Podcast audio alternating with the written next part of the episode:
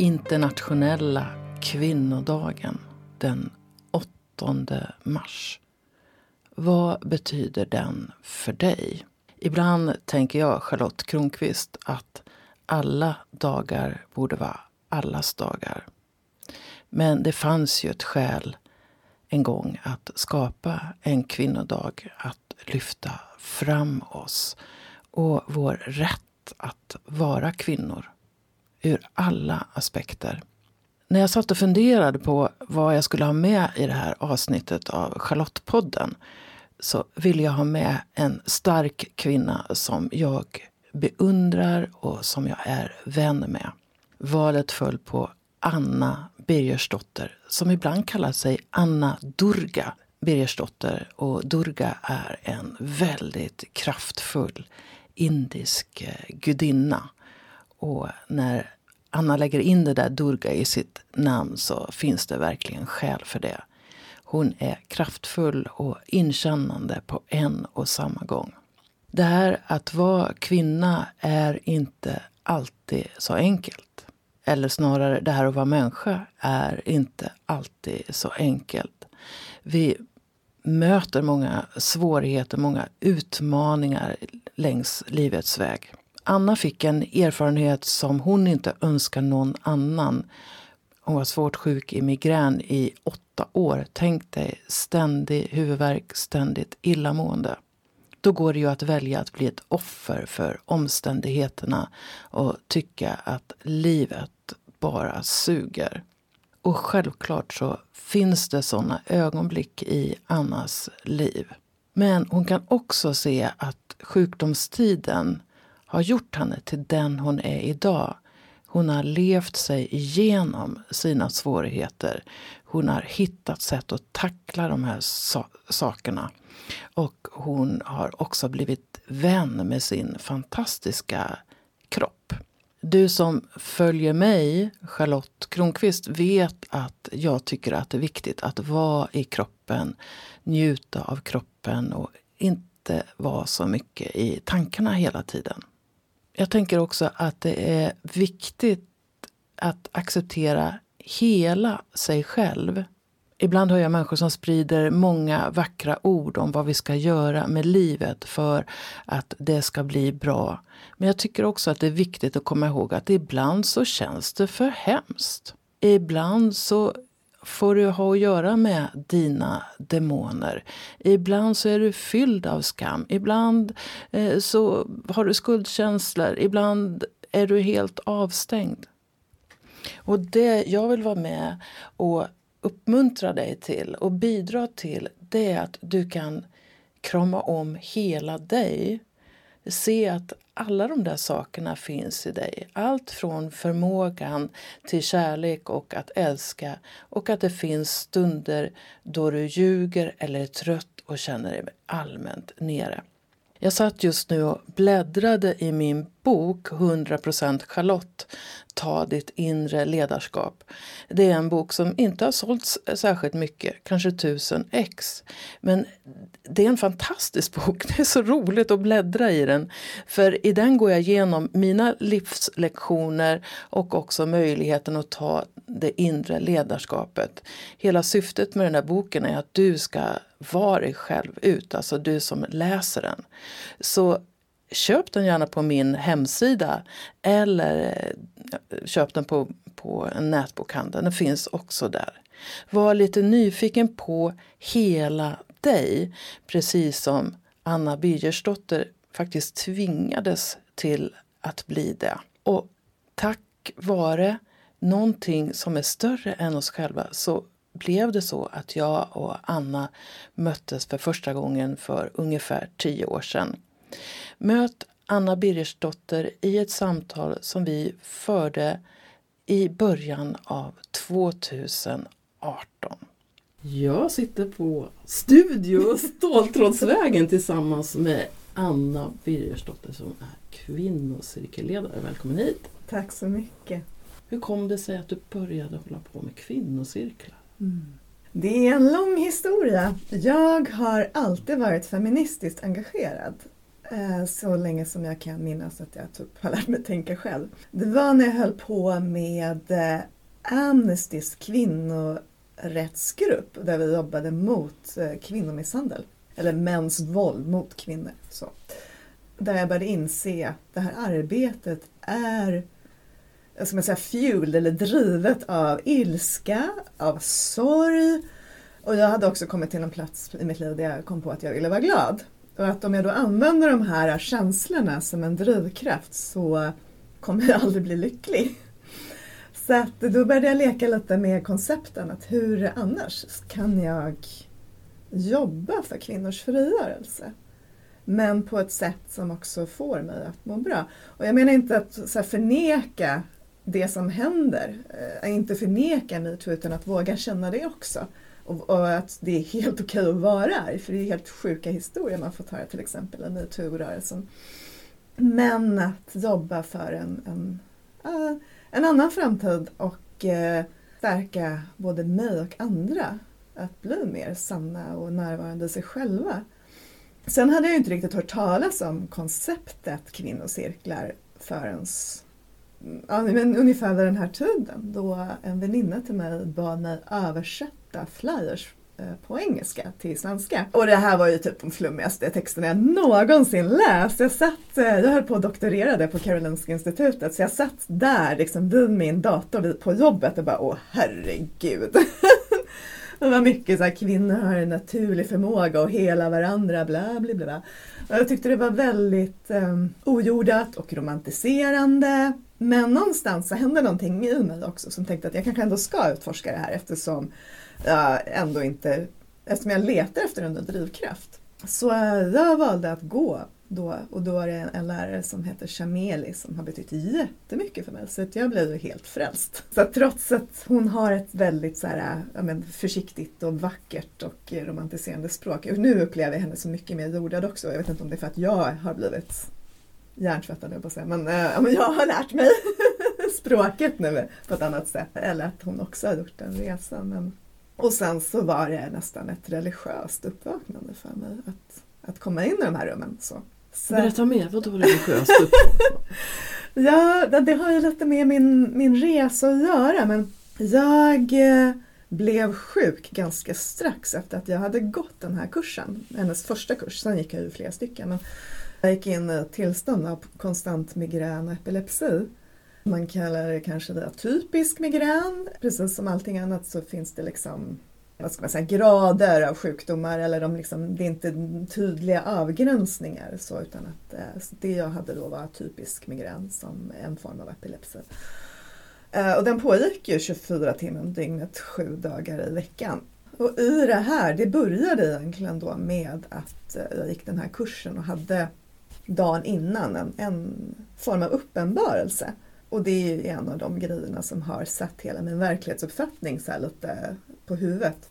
När jag mötte i meditation då så fick jag en uppenbarelse av en kvinna som hade parkerat sin tiger utanför fönstret och liksom hade kom in och vi hängde och blev kompisar men jag tyckte hon var asläskig och skitlång och jag kunde inte se henne i ögonen. Och jag tänkte så att det här kanske är den här läraren, den här gurun som jag på något sätt ser. Eh, för jag hade, jag hade ju hållit på mycket med yoga och meditation så det var ju inte ett jättestort steg att gå in i den här, liksom det man kallar för the divine feminine. Så att jag tänkte, jag hade någon sån form av, liksom, ja, men eh, jag hade hört någonstans att tigern var ett gurudjur. Så jag tänkte att jag kanske liksom har någon form av, av möte eller någon form av projicering. Så här. Vem vet hur saker funkar. Men då visade det sig dagen efter att eh, den här eh, workshopen som Shameli hade var mycket dedikerad till gudinnan Durga som rider på en tiger. Och jag visste inte att Durga existerade. Och sen bara strax efter så blev jag sjuk och så var jag sjuk i åtta år. Och under de här perioderna så fortsatte då Eh, möten med mytologiska beings jag inte visste existerade men som oftast brukade komma så här lite dagen efter. Bara, ja, du är. Så att jag fick någon form av, av facit. Och hur det, så kan, hur det ens kan hända, det kan jag med min naturvetenskapliga mindset inte förstå. Jag har hittat texter där man beskriver att sånt här kan hända vid kundaliniuppvaknande men min, om det nu är det liksom den storyn jag ska applicera, den sanningen jag ska applicera till det jag varit med om så har den liksom ändå inte följt. Då har det varit en resa uppifrån och ner istället för nerifrån och upp. Och eventuellt kan det ske på det sättet också, jag vet inte. Jag tycker ju att det här är så spännande för jag är också lätt och leder kvinnocirklar. Mm. För mig började det någonstans med att jag gick kvinnocirklar för att jag var så rädd för kvinnor. Jag tänkte jag måste läka det här. För jag trodde också att det hade att göra min, med min relation till mitt eget feminina. Att en del av min rädsla för kvinnor var rädsla för, Mm. för att jag var kvinna. Och, och så småningom så gick jag en kvinnocirkelledarutbildning och så sitter jag och mediterade också mycket och så satt jag och mediterade. Och i en meditation så kommer en gudinna till mig som heter Inanna och säger du ska leda gudinnecirklar. Och jag typ så här, vem är du? Så jag fick börja läsa på. Så det var som att jag i en meditation fick ett uppdrag och sen gjorde jag det i flera år och det var Mm. tack vare det som vi möttes Mm. första gången. Så det, det är ju märkligt hur, ja, jag vet inte vad man ska kalla det för. Mm. Och, och, och Inanna har haft mycket betydelse för mig. Hon är en väldigt tidig gudinna och hon, man beskriver hur man är tvungen att, så att säga, klä av sig för att egentligen leva fullt ut, gå ner i dödsriket Mm. eh, och så. Och du har Durga då med, med kraften och så. så att någon mening finns det säkert med att, att det här är de dörröppnarna till vad det nu är för någonting. Ja, så vi möttes då, eh, jag kommer ihåg på ett fik på Söder och jag fick ett litet kompendium av dig med där du hade skrivit om flera gudinnor och så. Mm. Så då gjorde vi någonting parallellt. Jag bodde i Malmö och du bodde i Stockholm. Men nu gör det ju lite annorlunda. Jag uppfattar som att jag går ju din kvinnocirkel nu och har gjort ett par år. Och då, gudinnorna finns ju liksom där men det känns ändå som att det är vi som är kvinnor är viktigare än gudinnan. Vad är det du vill med de här rummen som du skapar? Ja, lite alltså den, tack för att du berättar. De här upplevelserna som vi får, det, det finns inte så många rum där man kan prata om. Och jag som också då är naturvetare, jag har ju ett form av liksom empiriskt, det ska vara evidensbaserat och bevis, eh, vad ska man säga, ja. Eh, hur bevisar man sådana här upplevelser? På något sätt så har vi ett samhälle där vi nu ändå har bestämt oss att det är okej att vara lite halvkristen så. Vi får tro på att någon har dött för att jag kanske onanerar eller vad det är. Så han har dött för mina synders skull, jag är hemskt ledsen och ber förlåt. Mm. Men de här andra upplevelserna där livet på något sätt presenterar sig själv för oss, där mysteriet bryter igenom och tar helt oväntade former. Det finns inte riktigt rummen för dem att, att både att uppleva det här eller att ens prata om det. Nu börjar det hamna lite det här med naturvetenskapen så jag tar den först innan jag liksom svarar på frågan. Men eh, för mig så är forskning det är en dialog med livet. Alltså det är en dialog med Moder Jord eller med existensen. Och du gör experiment, det är, det är dina sätt att ställa frågor och du får data tillbaka. Sen försöker du sätta samman alla dina data för att få någon form av sammanhängande historia. Och du för också dialog med andra forskare genom att liksom presentera dina data. Eh, och så kan de säga, nej men när jag frågar på det här sättet, när jag gör det här experimentet, då svarar Moder Jord med den här datan. Och så försöker vi få ihop en världsbild av det här.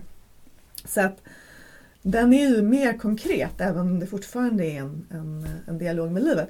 Det vi gör i kvinnocirkelgrupperna tycker jag är en dialog med livet på en helt upplevelsebaserad.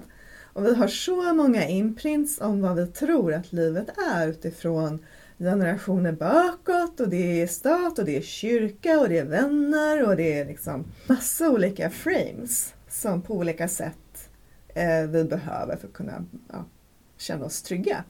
Men det är också eh, ramar som också lite förhindrar oss att eh, ta emot livet eller utforska, se vad det är. För att det, alltså, ibland tror jag att vi skyddar oss från att förstå att vi lever.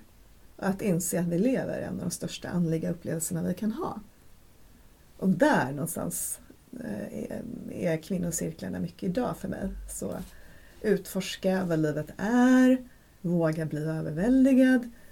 Och sen också att eh, just nu tycker jag inte att jag jobbar för mig, jag jobbar för det kollektiva. Det liksom, handlar inte om mig utan det handlar om oss alla. Det handlar även om männen men nu så blir det lättare för oss kvinnor att slappna av och sänka vår gard om vi tar bort männen och den manliga närvaron en stund. Där kommer mysteriet igenom. Eh, så att det handlar om eh, en kollektiv rörelse av eh, helande, av egentligen bara alltså, ökad närvaro. Att jobba lite med det som står i vägen. Och ju mer närvarande du blir och ju mer sann du blir, autentisk du blir, desto mer sann och autentisk kommer jag kunna vara. Kommer jag bli.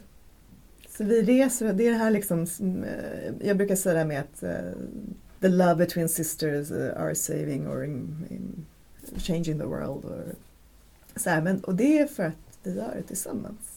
Spelar inte så stor roll om jag sitter på min kammare och bara jobbar med mig själv. Utan det, det handlar om en kollektiv rörelse. När, när du pratar om det här så är det som att jag går in, jag sitter här nära dig i den här studion men samtidigt är det som att jag är någon annanstans. Alltså att jag är i mysteriet. Mm. Och det, det, jag upplever just nu det är att vi är det är som att det är en rymdkänsla. För mig är det, är, är det en space som också är typ mörk och så är det stjärnor eh, och så. Och det är inte någon rädsla att falla eller så utan det är bara en, eh, det är bara en space som är på något sätt eh, oändlig. Och, och, på samma sätt när jag går in i det kvinnorummet så är det som att dörren till det öppnas. Och då att möta systrar i det och systrarna kan vara väldigt olika form mm. eller hur de mår eller så. Och det är som att allt är tillåtet. Allt från eh, ilska till sorg mm. till eh, kåthet, liksom, likgiltighet. Vad som helst. Mm. Och det blir sån befrielse på något sätt. Det är som att den här rymden blir, ja vad ska jag säga, mer fylld. Och mindre skrämmande också. Och jag kan inte förklara det. Mm. Jag kan inte förklara det att jag är på två ställen samtidigt. Mm. Eller hur upplever du mysteriet?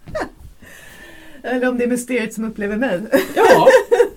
Ja. det är väl det som jag bland annat utforskar. Vad börjar jag och vad tar andra vid?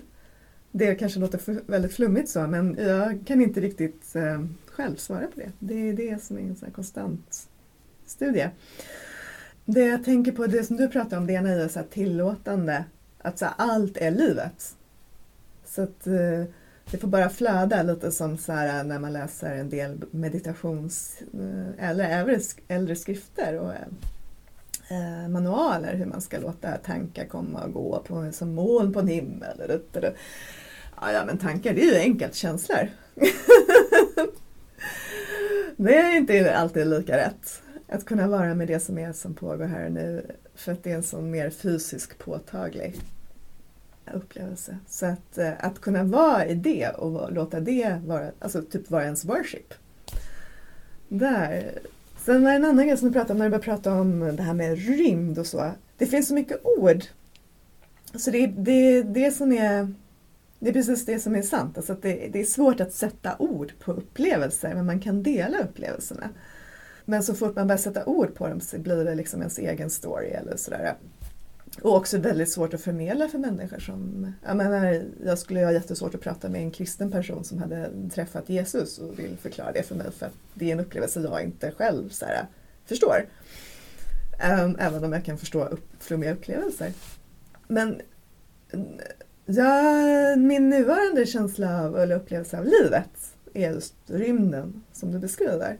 Och att eh, vi är i en dröm. Så och att det är liksom eh, det finns ju mycket prat i den alternativa kretsarna om alltså, att man ska vakna upp, awakening hit och det är radical och rätt dit och så. Men att eh, Ja, för mig så är det ungefär som att man, att man kan meditera och bli medveten om att man drömmer när man drömmer. Ser det som att så här, livet just nu är att vakna upp i en dröm. Och Och det är inte att vakna upp från drömmen, det är att vakna upp i drömmen. En aspekt som jag tycker är viktig då, det är själva kroppen. Och n- när jag är eh, i, i dina rum eller de rum vi skapar tillsammans så är, ju, är vi ju med som kroppar Mm. också. Och det brukar förekomma beröring eller ögonkontakt eller ja, alla möjliga sådana Mm. saker. Så att när jag pratar om den här rymden så handlar det ju inte i första hand om att smita härifrån Mm. utan att få tillgång till någonting mer. Och jag brukar få så här upplevelser av en förhöjd känsla av kroppen och Mm. kroppens betydelse och att, att, det liksom, att, att vi är här. Det, Mm. om, vi, om vi bara skulle vara mind, eller alltså bara tankar eller vad vi nu ska kalla det för, skulle vi väl inte behöva Mm. någon kropp. Men vi lever Mm. så märkligt i ett samhälle som ibland är kroppsfientliga. Alltså vi, Mm. alltså det är så paradoxalt för å ena sidan så här, du ska träna kroppen, du ska ha en liksom, fit kropp. Men sen samtidigt är det som, men får kroppen njuta då? Vad är då din relation till kroppen och hur viktig är den för dig? Åh, oh, vilka roliga frågor du ställer. alltså det ena du säger, alltså, eh, det, det känns som att du frågar så här tre saker. Det ena är liksom hur man jobbar med kropp i kvinnocirkelrummen eller kvinnoarbetsrummet och det andra är samhället och det tredje är min egen syn. Uh, eh, om jag skulle börja med samhället så upplever jag också att uh, vi lever i ett kroppsfientligt samhälle. Och eh, att vi har lite svårt att hantera vad vi ska göra av kroppen för att den är oftast i vägen. Alltså den gör ont eller den ser inte ut som den ska eller den har massa konstiga behov som vi inte riktigt fattar. Så att man vill liksom att den ska fungera istället för att eh, verkligen eh, kanske faktiskt vara någonting som man tar hand om. Eh, och det finns det ju också en lång filosofisk tradition i vårt samhälle av att vara överkroppsförnekande och även religion. Så. Också för att prata om sexualiteten så att den är, kroppen har en massa konstiga sexuella behov och kan bli kåt när det inte passar och speciellt män så syns det ju på om de blir det så det blir ju jättepinsamt. Jag tror kvinnor har ett extra lager i, i den här kroppen för att jag tror att vi känner att vi ofta behöver skydda oss. Och då ifrån den manliga sexualiteten. Så det finns ett litet extra filter där. Eh, att den kvinnliga kroppen kommer med en liten extra utsatthet. Jag har varit en sån som hanterat det genom att alltid gå hem genom den mörkaste parken för att bevisa att jag är minsann inte rädd. Men det är ju också för att jag har aldrig råkat illa ut i en mörk park. Jag har ju råkat illa ut i mer privata sfärer och liksom med människor som faktiskt finns i mitt liv. Och det är också antagligen en av anledningarna till att eh, jag eh, har, att det här arbetet eh, har varit så starkt för mig. För att det handlar så mycket om kroppen. Så att jag har haft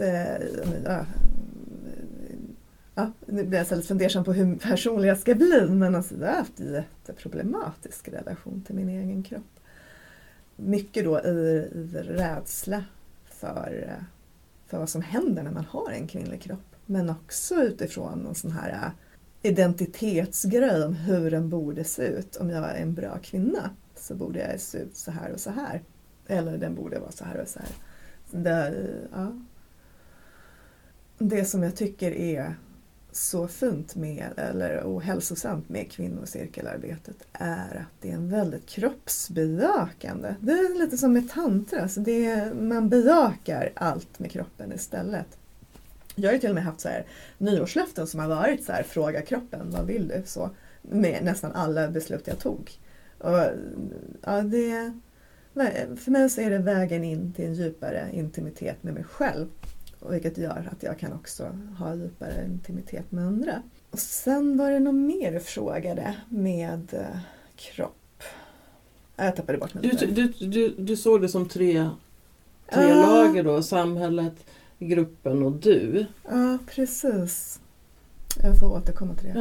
Ja. Vad är din relation till din kropp idag då? Är den, är den en Ja, vän? nu, det var det vi skulle till. Just det, precis. Ja, men idag ser Det ena är att jag ser kroppen som eh, Alltså den, den flummiga aspekten jag har på kroppen det är ju att den håller samman flera olika ja, men nästan dimensioner. Den håller den här fantastiska hjärnan och mind-dimensionen som kan skapa och vara skärpt och analysera och, och, allt möjligt. Och sen så håller den också ihop känslokroppen eller känslodimensionen i mig och sen så finns det då energidimensionen som en del upplever och en del inte. Så, men för mig så finns det en, en stark kudalinekraft i mig och som jag kan också känna i andra.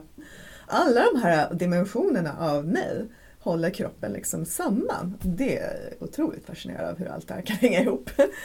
Sen tycker jag att kroppen är... Jag känner mycket vördnad idag. Så. En anledning då till att jag också håller på med det här är ju att det är jag har en väldigt känslig kropp så det har ju varit ett sätt för mig att äh, lära mig leva med en känslig kropp. Så hur, äh, hur gör jag det? Och det började ju när jag var sjuk och hade konstant migrän. Att hur ska jag kunna leva med det här? Och då var jag tvungen att på något sätt eh, hitta sätt ja, men som stöttade mig men också som gjorde att det var positivt att vara känslig. Eh, och då var jag så tacksam för både kvinnocirklar och för tantran. För annars så hade ja, där fick jag liksom värde av att vara så känslig. Det gav mer värde till mig istället för att vara ett problem. Där tror jag att det finns en del i samhället också, att vi har ändå skapat ett samhälle som är eh, antagligen anpassat till de eh, som är tvärtom mot HSP, alltså de som typ är undersensitiva människor. Medan alla som är normalsensitiva och högsensitiva eh, har ju problem med att vara inne i stan och det är ljud och det är intryck och det är information överallt. Och det är inte konstigt att det blir lite utbrända, att vi blir utbrända eller att kroppen blir trött. Bara av att åka tunnelbana så träffar jag mer människor än vad min farfar träffade på typ hela sin livstid. Under, ja, jag kanske gör det under en vecka fram och tillbaks till jobbet. Så tangerar jag säkert lika många människor som min farfar träffade, eller min mormor liksom, på en vecka. Så det är ju en helt annan informationsflöde idag som jag tror att vi också på olika sätt försöker ja, men både som förhålla oss till, distansera oss ifrån och sådär. Så att, eh, ja. Men hur viktigt blir det då att ta hand om kroppen? Mm. Då tänker jag även vad smörjer du in kroppen med? Vad, vilken näring tillför du? Mm, rörelse? Alltså blir, blir det också viktigt för att ta hand om känsligheten hos dig? Mm, absolut. Det ena är eh, ju, men typ så här, eh, ja, nu har jag som sagt återigen varit sjuk i väldigt många år så jag har utforskat väldigt mycket när det gäller mat, när det gäller övningar, när det gäller förhållningssätt. Både för att jag ville bli frisk och sen så efter sex år eller så här så gav jag upp bli frisk och kom på att jag måste kanske bara försöka inse hur kan jag leva så bra som möjligt trots att jag är dålig. Så att jag har en hel katalog av saker jag har testat. Och, eh, idag är det ju mer det här att jag har varit mycket i det så här, vad vill kroppen? Så till exempel, jag går inte bara på gym utan jag går på gymmet och badar jättemycket bastu. Så. För det är så här, eh, eh, det är njutningsfullt.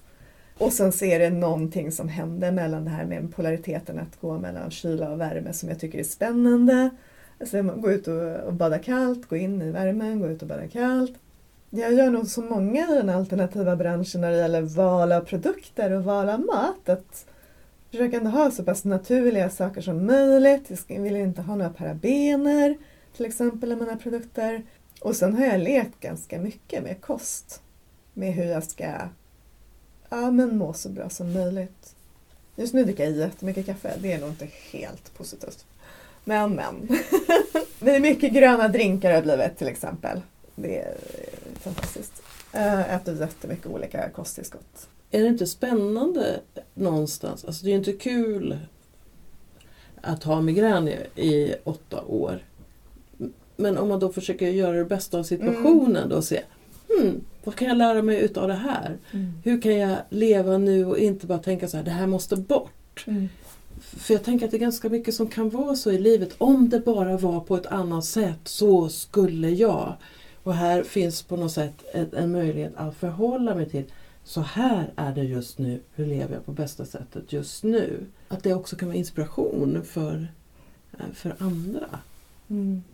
Absolut. Jag menar, jag skulle inte önska det här på min fiende. Det var ju fruktansvärda år. Och sen samtidigt, idag så är jag, alltså, jag är tacksam. Jag är inte på den platsen att jag bara känner tacksamhet utan det finns bitterhet i det här också. Att jag förlorar ju ändå 25 procent av mitt liv. Nästan. Beroende på, nu börjar jag bli lite äldre så nu kanske jag bara blir 20. Men Ja, eh, det finns jättemycket ilska mot den svenska läkarkåren som jag tycker borde ha gjort ett mycket bättre jobb. Och bla, bla, bla. Men det finns också en, en, en förundran och tacksamhet. Både så här, hur jag hanterade situationen. Alltså, Eh, alltså jag är så fascinerad över att så här, jag blev ju bruten men jag bröts inte. Det fanns liksom, och jag kan nästan se, eller jag kan se gåvan i det jag behöver inte säga nästan, utan det är sant. Alltså jag ser gåvorna i det här att ha fått bryta ner alla negativa strukturer. För jag var ju tvungen. Så. Du kanske fick eh, nära livet-upplevelser? Ja men typ, precis. Ja, verkligen. Och sen så i den här situationen, det är ju en pendling. Alltså alla som har varit har haft det svårt under längre tid känner säkert igen sig. Så att även om du kan komma till platser av acceptans så finns det ju fortfarande stress i systemet och det finns sorg och så här. Så jag hade ju typ så här gråtdejter med mig själv till exempel. Nu känns det jättejobbigt att det är så här. Ja men då gick jag hem och sen så hade jag så här ta hand om mig själv och sitta och gråta kväll för att få ur mig den skiten och kunna ta hand om mig själv och min ledsna sida. Så att jag byggde upp någon form av så struktursystem för att stötta mig själv. och för att kunna göra det så var jag också hela tiden Istället för att identifiera mig med mig, eller vad man ska säga, den sjuka, så var jag tvungen att identifiera mig med kärlek. För att kärleken kunde ge mig spacet av att känna sorg eller krama mig oavsett vad som hände eller liksom ta hand om mig och vågade säga ifrån. Alltså jag var ju på typ så här kurser, jag var ju på Joyride-festivalen med dig bland annat för ett par år sedan. Nej, det var sexability-festivalen var det. Där det var massa så här snygga, coola, blinkande lampor som hade in för jättemånga tusen. Och så skulle man göra en övning där man så här kände in vad vill jag verkligen, verkligen göra. Och det enda jag kände så här, ah, för att jag ska kunna må bra och vara kvar här, då måste man sluta ha blinkande lampor det mottogs med sådär popularitet när jag påstod. Men liksom att, så att det slutade med att det blev en kompromiss och just den storyn, vad som hände där är inte så viktigt utan det viktiga är ju den här att hur mycket jag var tvungen att börja stå upp för mig själv för att kunna fungera ute i, i samhället. Så här.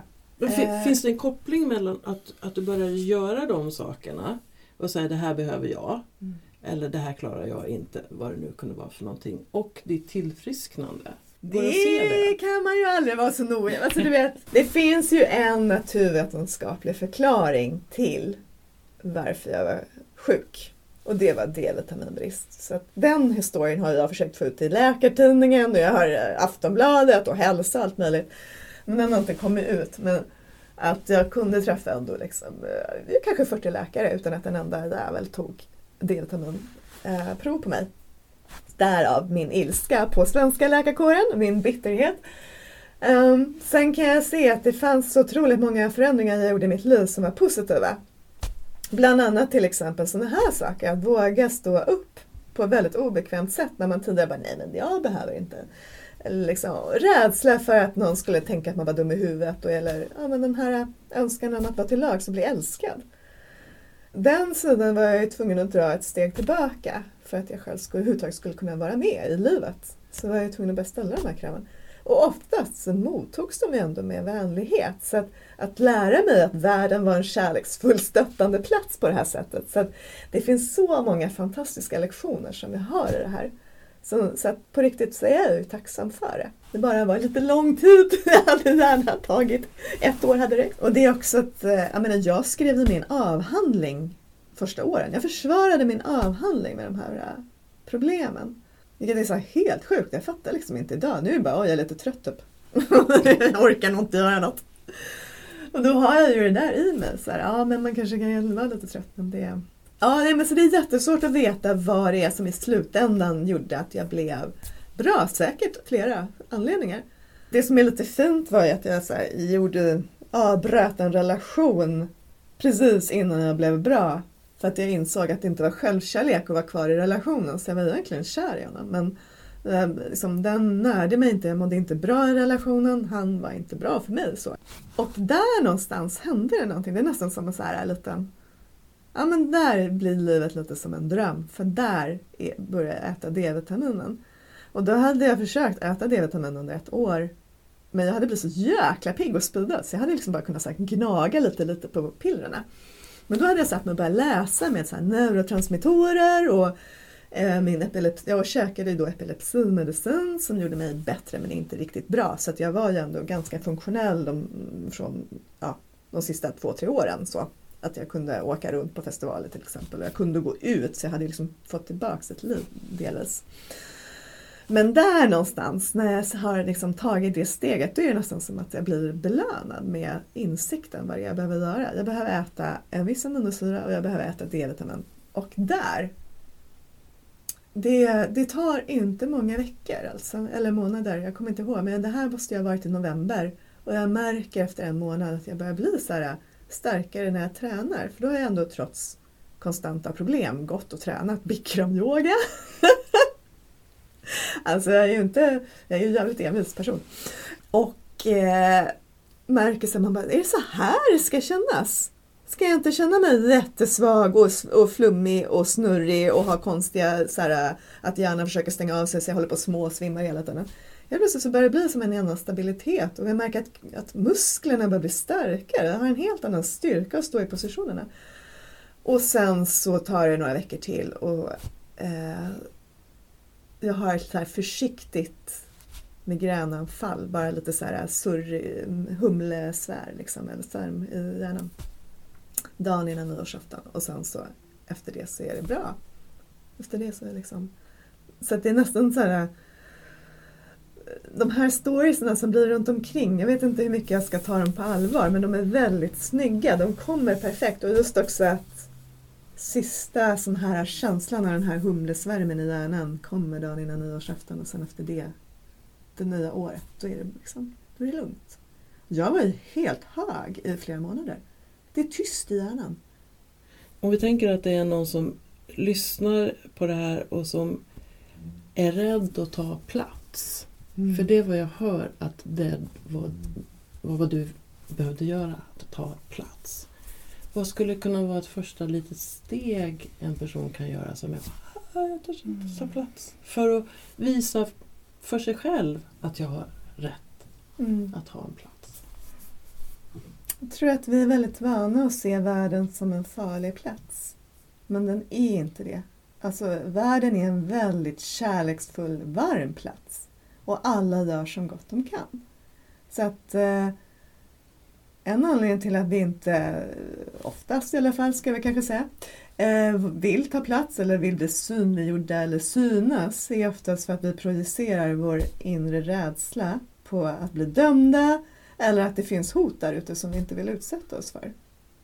Ser man världen som en varm kärleksfull plats så finns inte, då behöver du inte skydda dig från att ta de här stegen eller visa dig eller ställa några krav.